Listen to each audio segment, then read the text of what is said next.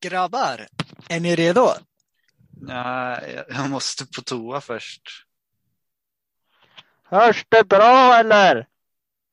Nej, du måste vinkla ut micken från munnen. Men eh, var är Noel? Ja, han håller väl på att starta datorn nu då. Ja men tjenare! Ja, har ni väntat länge eller? Ja, datorn är lite trög så här. Ja, vi har väntat ett tag, men eh, Adam, nu får du ta och spela in. Okej. Ett, två, tre. Nu kör vi!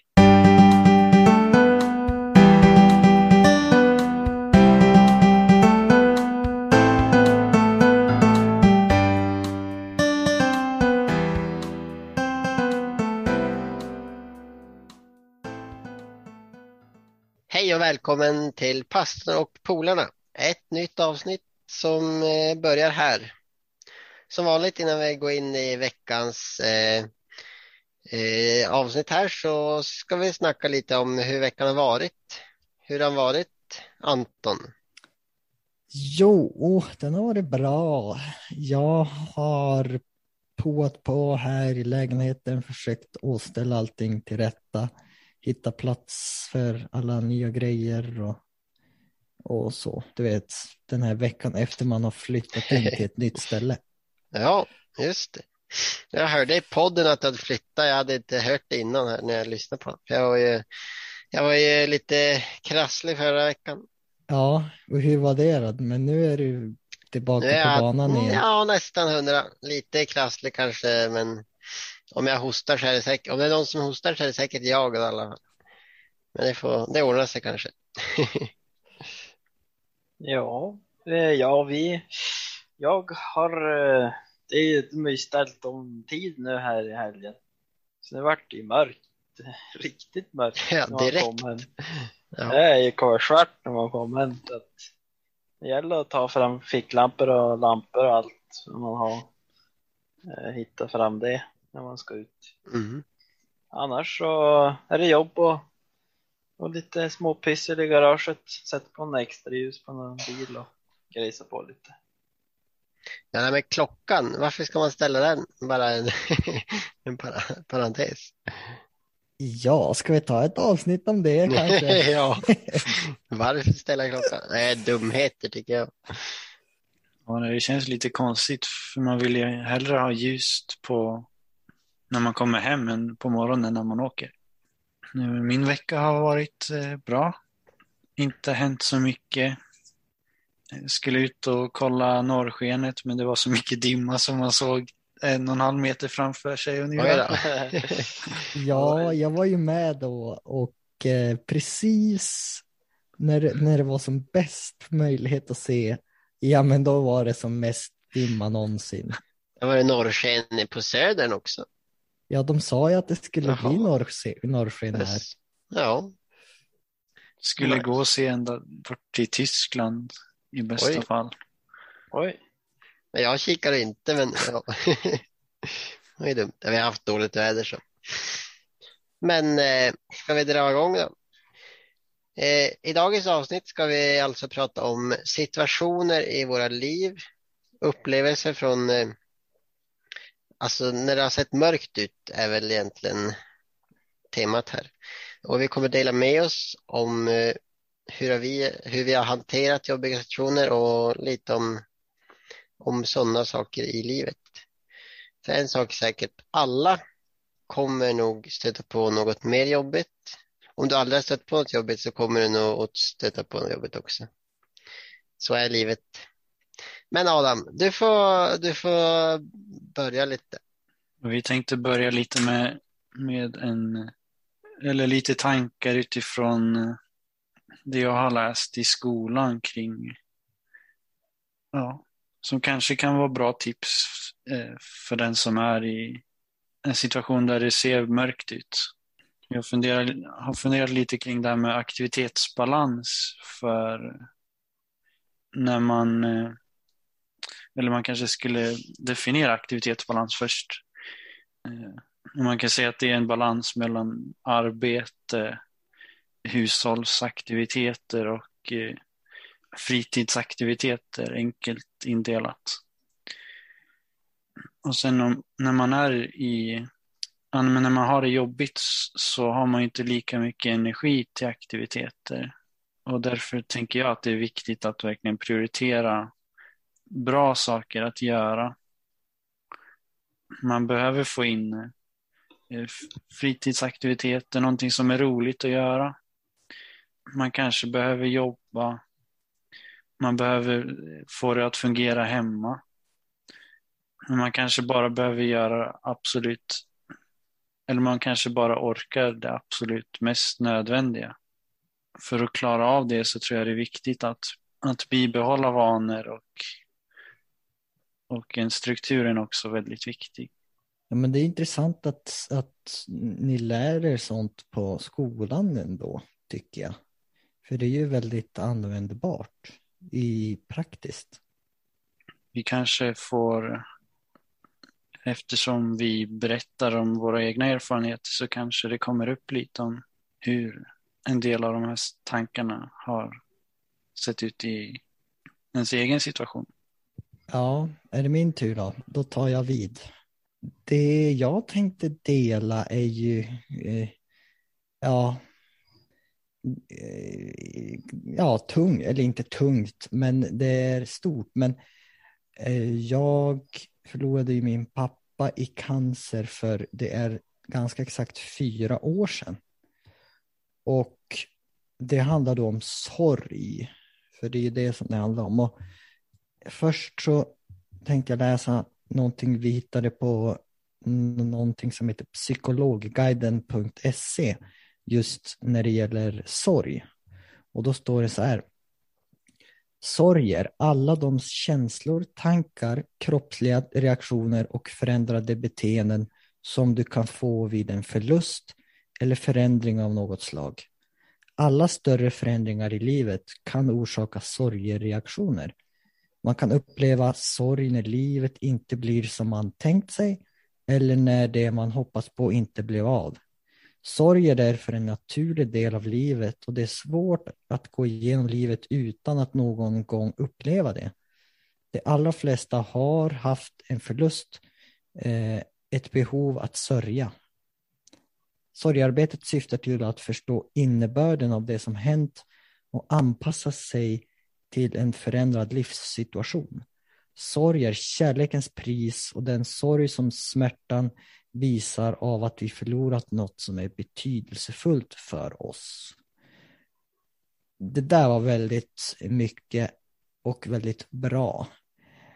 Men eh, sorg, ja, som Noel sa i början, jag menar, den som inte har upplevt någonting jobbigt kommer förr eller senare att få göra det. Och för mig var det just den situationen. Dels att, vad heter det, eh, en tid av sjukdom innan.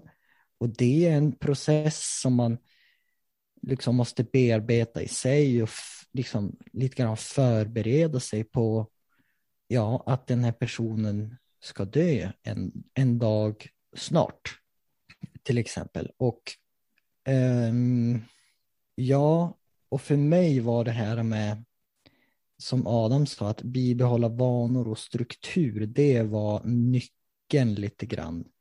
Det var det som eh, fick mig kvar, att hålla, sig, hålla mig liksom kvar på banan för att inte liksom klappa ihop totalt. Um, och det kunde vara som att bibehålla vanor i att ja, men, be varje dag, läsa Bibeln varje dag, även om det var riktigt tungt och man inte så. Eller liksom, jag hade ju eh, lektioner samtidigt. Eh, så att jag fick ju vara på Zoom då, när jag hade lektioner samtidigt. Och det gav en viss struktur och vana som liksom för annars då deppar man ju ihop totalt. Och sen en till sak som jag minns att som hjälpte mig väldigt mycket, det var att gå promenader. Alltså att gå ut regelbundet, gå promenader och rensa tankarna och, och allting sånt. Det fick en helt ny eh, betydelse liksom, för då kunde man liksom bara eh, lämna av sig det mesta ute i skogen eller ute i naturen. Det, var, det minns jag. Det är lite intressant. De, de två, eller ja, det passar in på i alla fall två av de här eh, kategorierna av aktiviteter som blev viktiga för dig. Dels fritidsaktiviteter, att gå promenad och läsa Bibeln kanske kommer där beroende på vilket syfte. Men också det här med arbete eller att, att studierna gav en struktur. Ja, jo men så var det verkligen.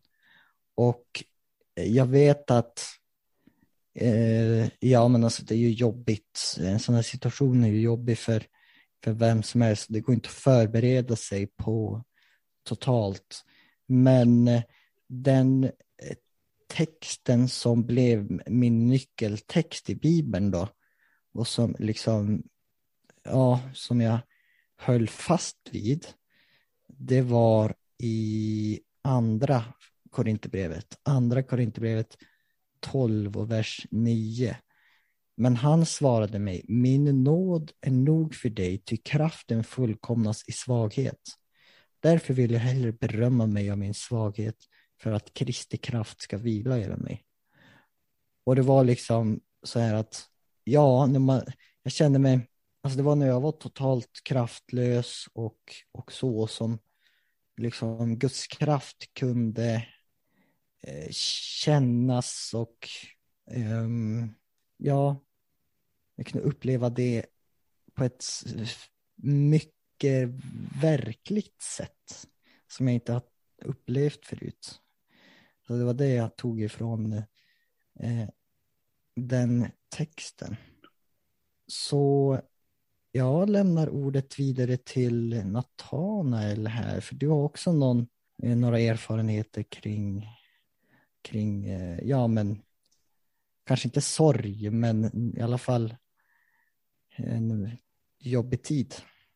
Ja, eh, det måste man ju säga att det var. Eh, och då måste vi backa bandet några år. Det börjar bli några år sedan. Eh, jag var 13 år. Eh, hade just slutat eh, sexan eh, i, på Slussfors, i Slussfors skola. Och, och på sommaren eh, med, kände jag mig lite konstig. Eh, och eh, för de som vet så när man håller på att få diabetes, en sjukdom som är att eh, kroppen bryter ner insulinproduktionen i kroppen. Så jag blev väldigt törstig, drack väldigt mycket vatten och aldrig kunde dricka hur mycket som helst och eh, sprang på toa väldigt ofta. Jag minns vi skulle köra ner till Umeå och ja, jag vet, jag tappar räkningen men hur många gånger vi gått stanna på vägen ner dit. Eh, men tänkte att eh, det går nog över, det här eh, fixar sig nog själv eller någonting i den stilen tänkte jag. Gick på fjällvandring och spelade fotboll och ja, försökte leva som, som vanligt. Men eh, på kvällarna när jag låg där och var hur törstig som helst och hade druckit jättemycket vatten och det hjälpte inte så börjar man ju fundera att eh, vad är det här för något? Var, varför blir jag inte bra? Eh, och eh, pappa är ju sjuksköterska så han, eh, jag tror det var eh, när vi åkte till Umeå så sa nej, försökte liksom eh, ja, inte vara sjuk. Ehm, jag ville inte vara sjuk. Men eh, pappa sa sen när vi kom hem på kvällen att eh, imorgon bitti måste du åka till sjukstugan. Jag sa nej, aldrig i livet. Jag vill inte till sjukstugan. Eh, men eh, eh som lydig pojke så får vi till sjukstugan dagen efter.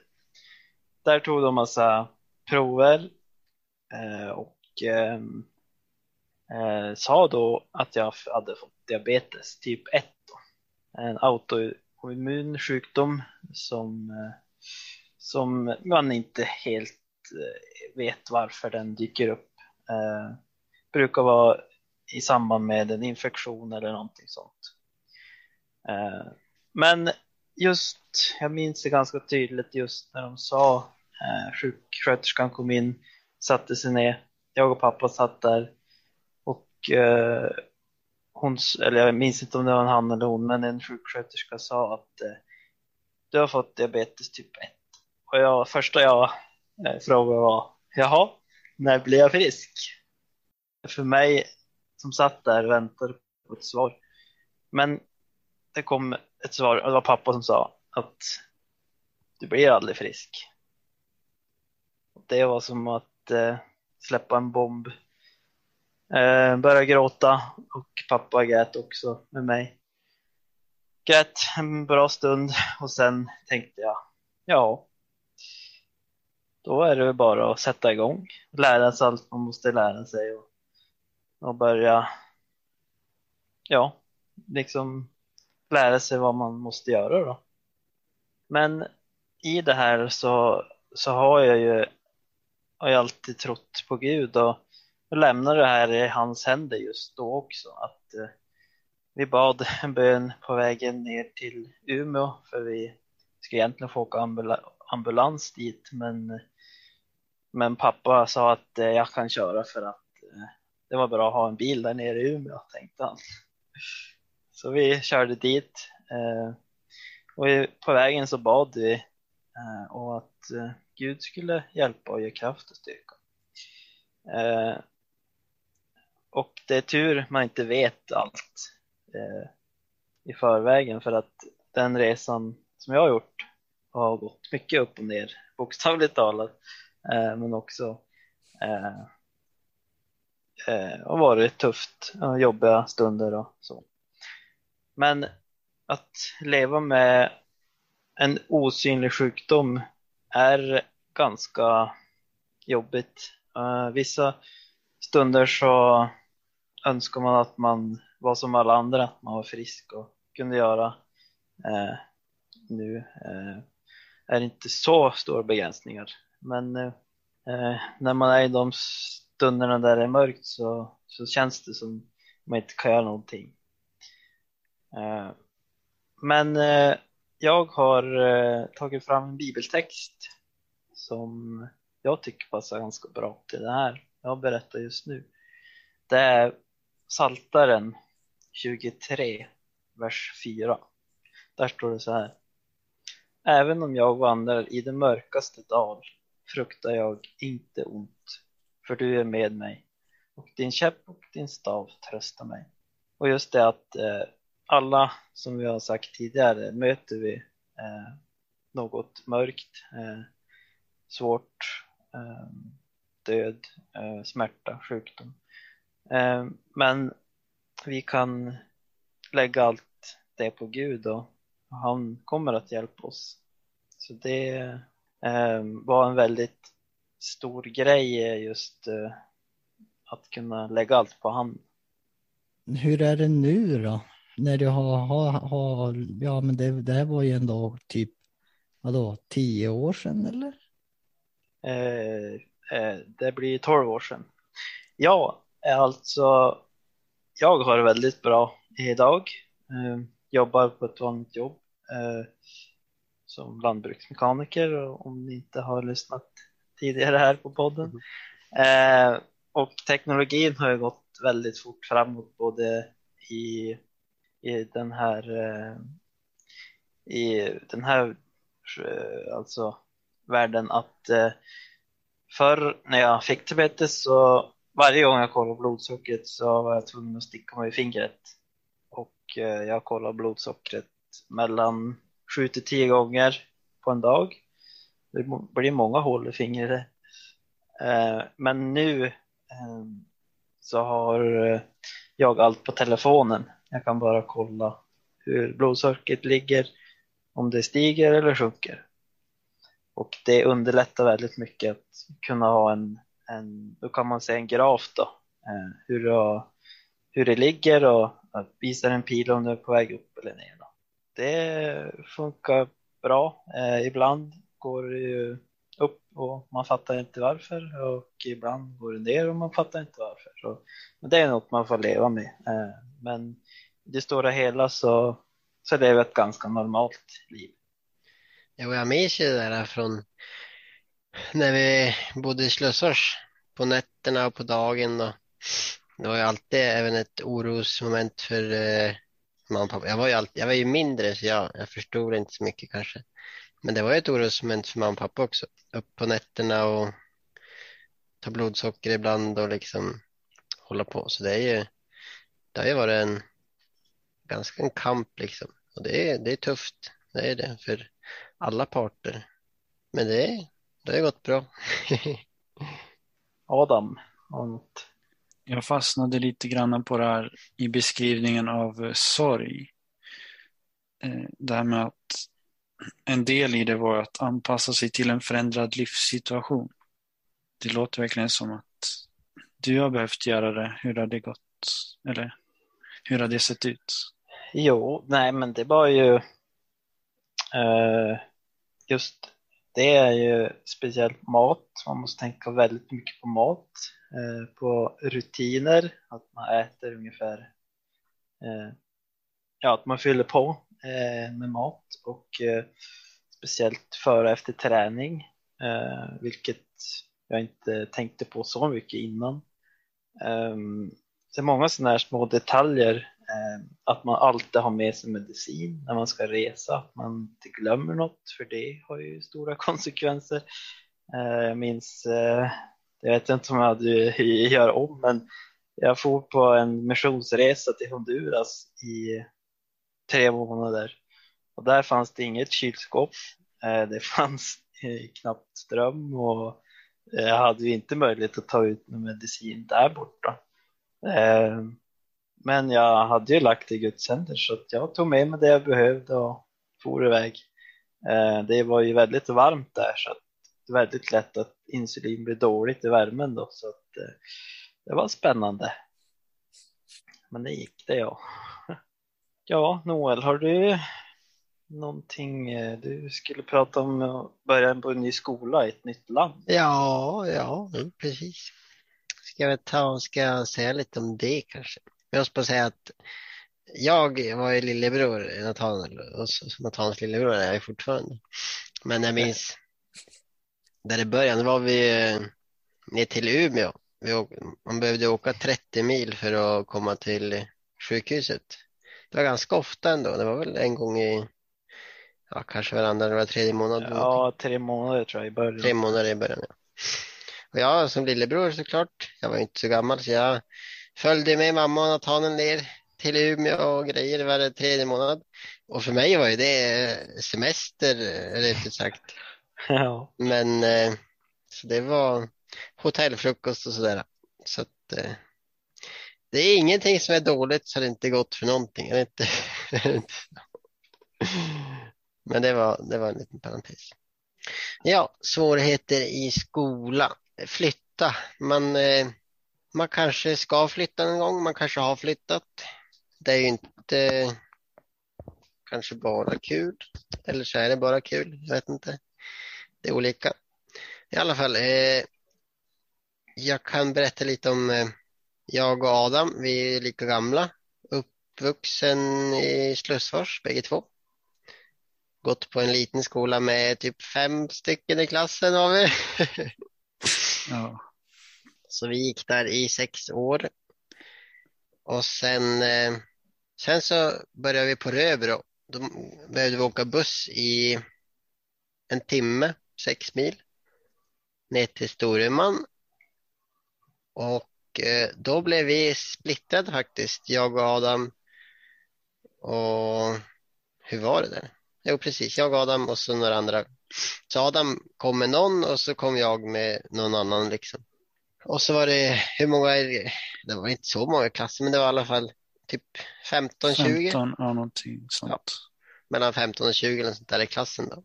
Och man kände ju ingen alls. Så det, det tycker jag var tufft faktiskt. För man är ju, man är ju 13 år eller vad man är. Visst är det det? Som Nathaniel sa. Så det tyckte jag var riktigt eh, tufft att eh, komma till en, en ny skola med, eh, med bara att man kände en eller två i klassen. Liksom. Och så, men det, det var en sak. Men sen så gick man ju i den skolan då och det gick ju, man hade ju fortfarande, man kom ju hem och kunde hänga med vänner på kvällar och sånt där och i bussen då. Så det gick ju bra. Tre år där. Men det är ju, det är ju ändå, ändå lite sådär. Med en ny skola och ny allting. Det är liksom mycket intryck. Inte vad var det som, som blev det jobbiga med ny skola och att inte känna så många i klassen? Ja, precis. Jag är nog ändå, jag är ganska social. Jag har ju blivit mer social. Men jag är nog ändå, eller var i alla fall, ganska folkskygg. de man känner, eller när, i alla fall då, de jag kände, de kunde man ju liksom vara, prata med. Sådär. Men nya människor hade jag väldigt svårt för att, att få kontakt med. Så det var ju det att eh, vi, hade, vi var ju fem i klassen, men sen så blev det bara en eller två jag kände.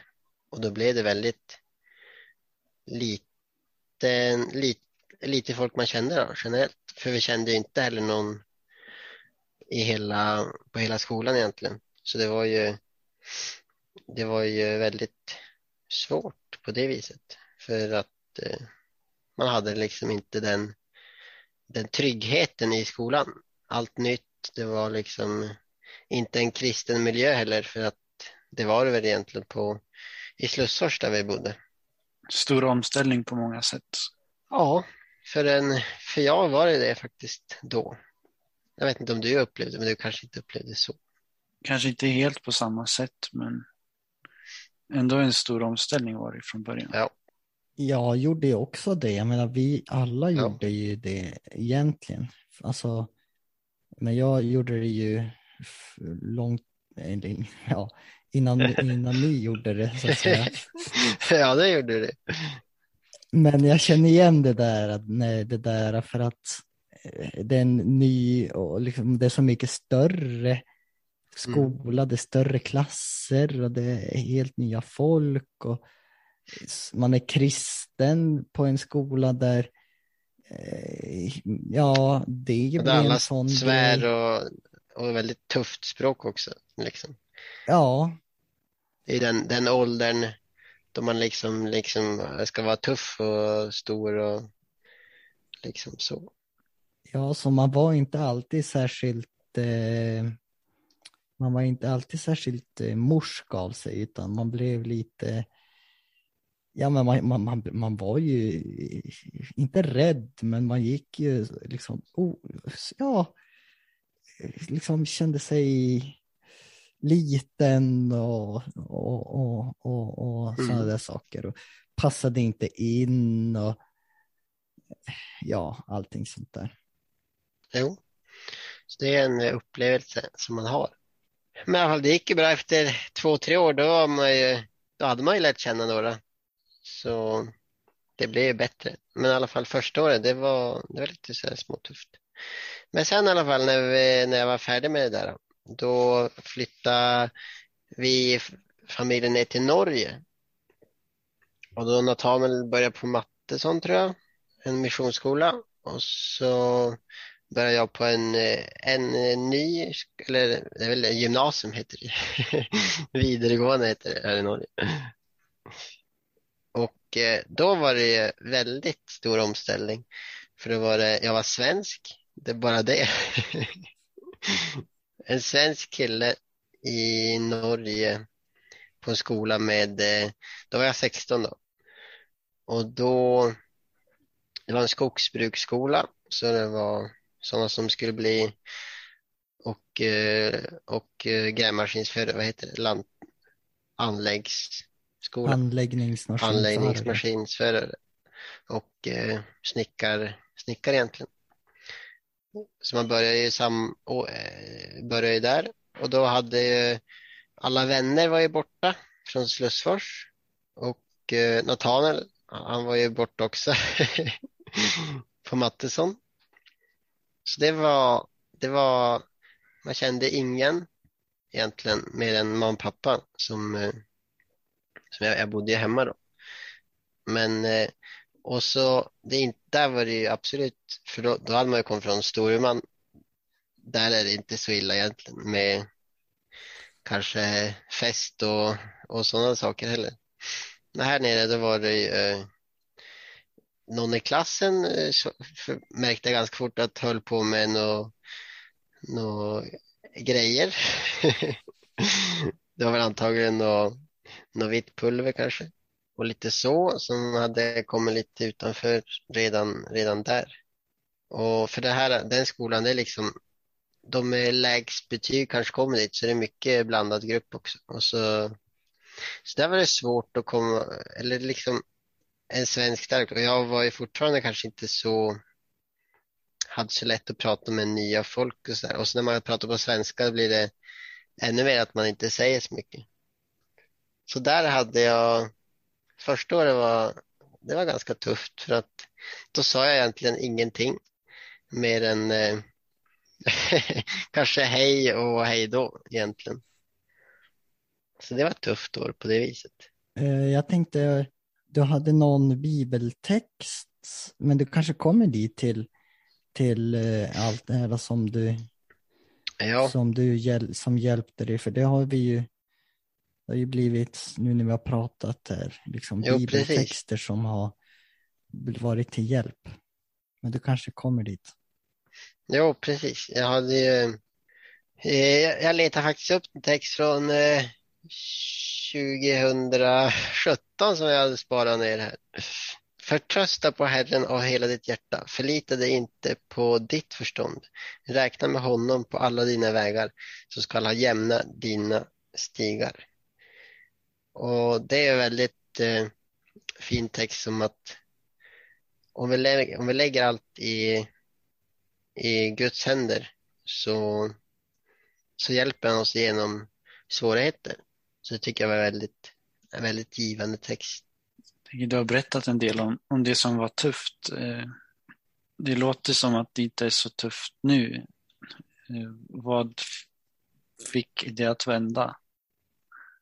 Ja, det var ju, det är det här med relation med Gud. Det har jag haft genom hela skolan då. På det viset att man liksom klarade av det för att det var ju också det att i skolan, man, de som var där, det var ju inget, det var ju inga vänner i tron på något vis.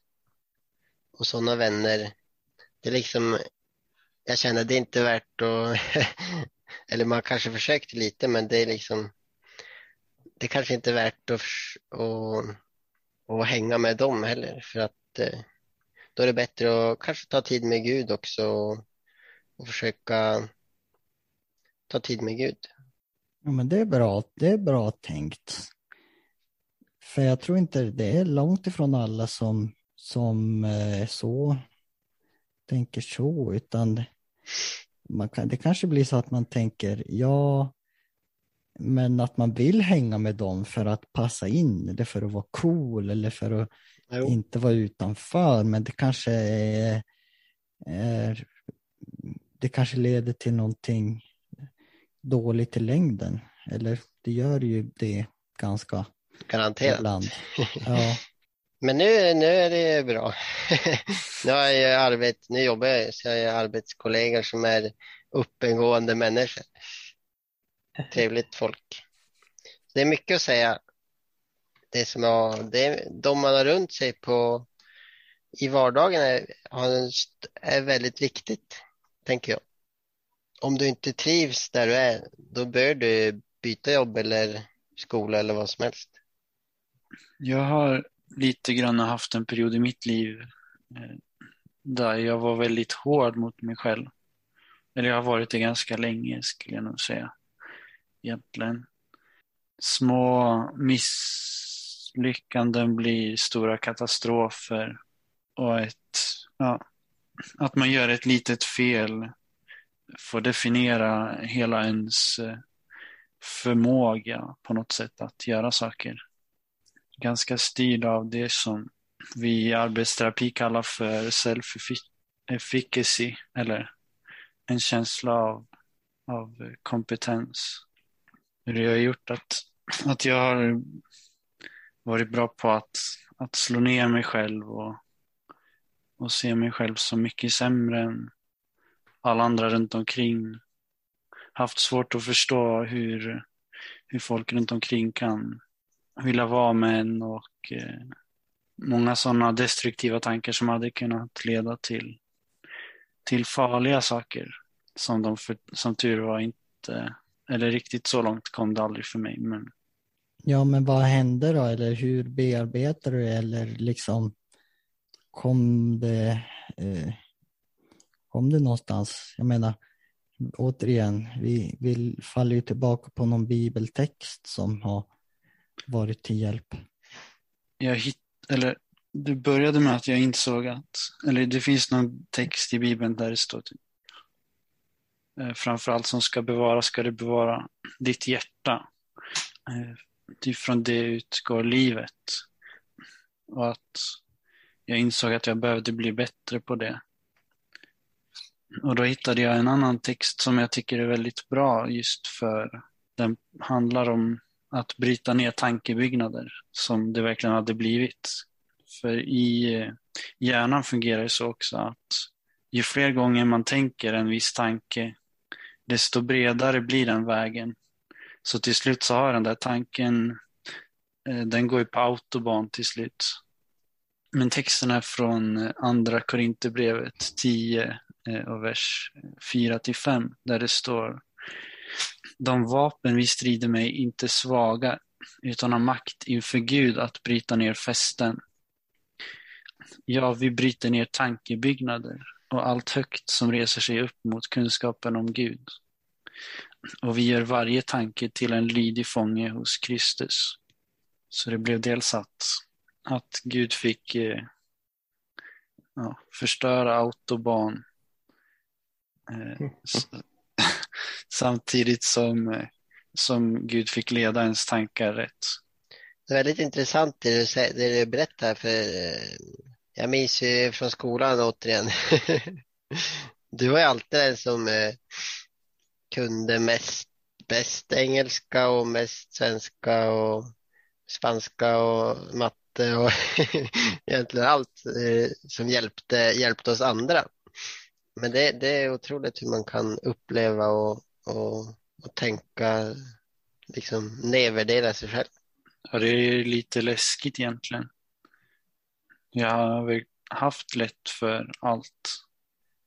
Men har liksom gjort en bild av mig själv som, som den sämsta, eller vad man ska säga. Det är ganska otroligt hur, hur människan funkar, eller mm. Nu tänker jag istället för att, att bryta ner mig själv så har jag hittat ett tankesätt att om jag gör ett misstag att tänka att ja, men bra, det här kan jag göra bättre nästa gång. Mm. Och att dra det som lärdom.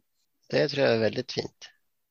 Nu ska vi försöka då sammanfatta det vi har sagt i dagens avsnitt. Och jag börjar. Jag vill säga så här att sorg och förlust, det är, det är tungt. Men jag vet också att det är värt att hålla ut igenom det och under den situationen. Det är värt att fortsätta be till Gud och att läsa Bibeln.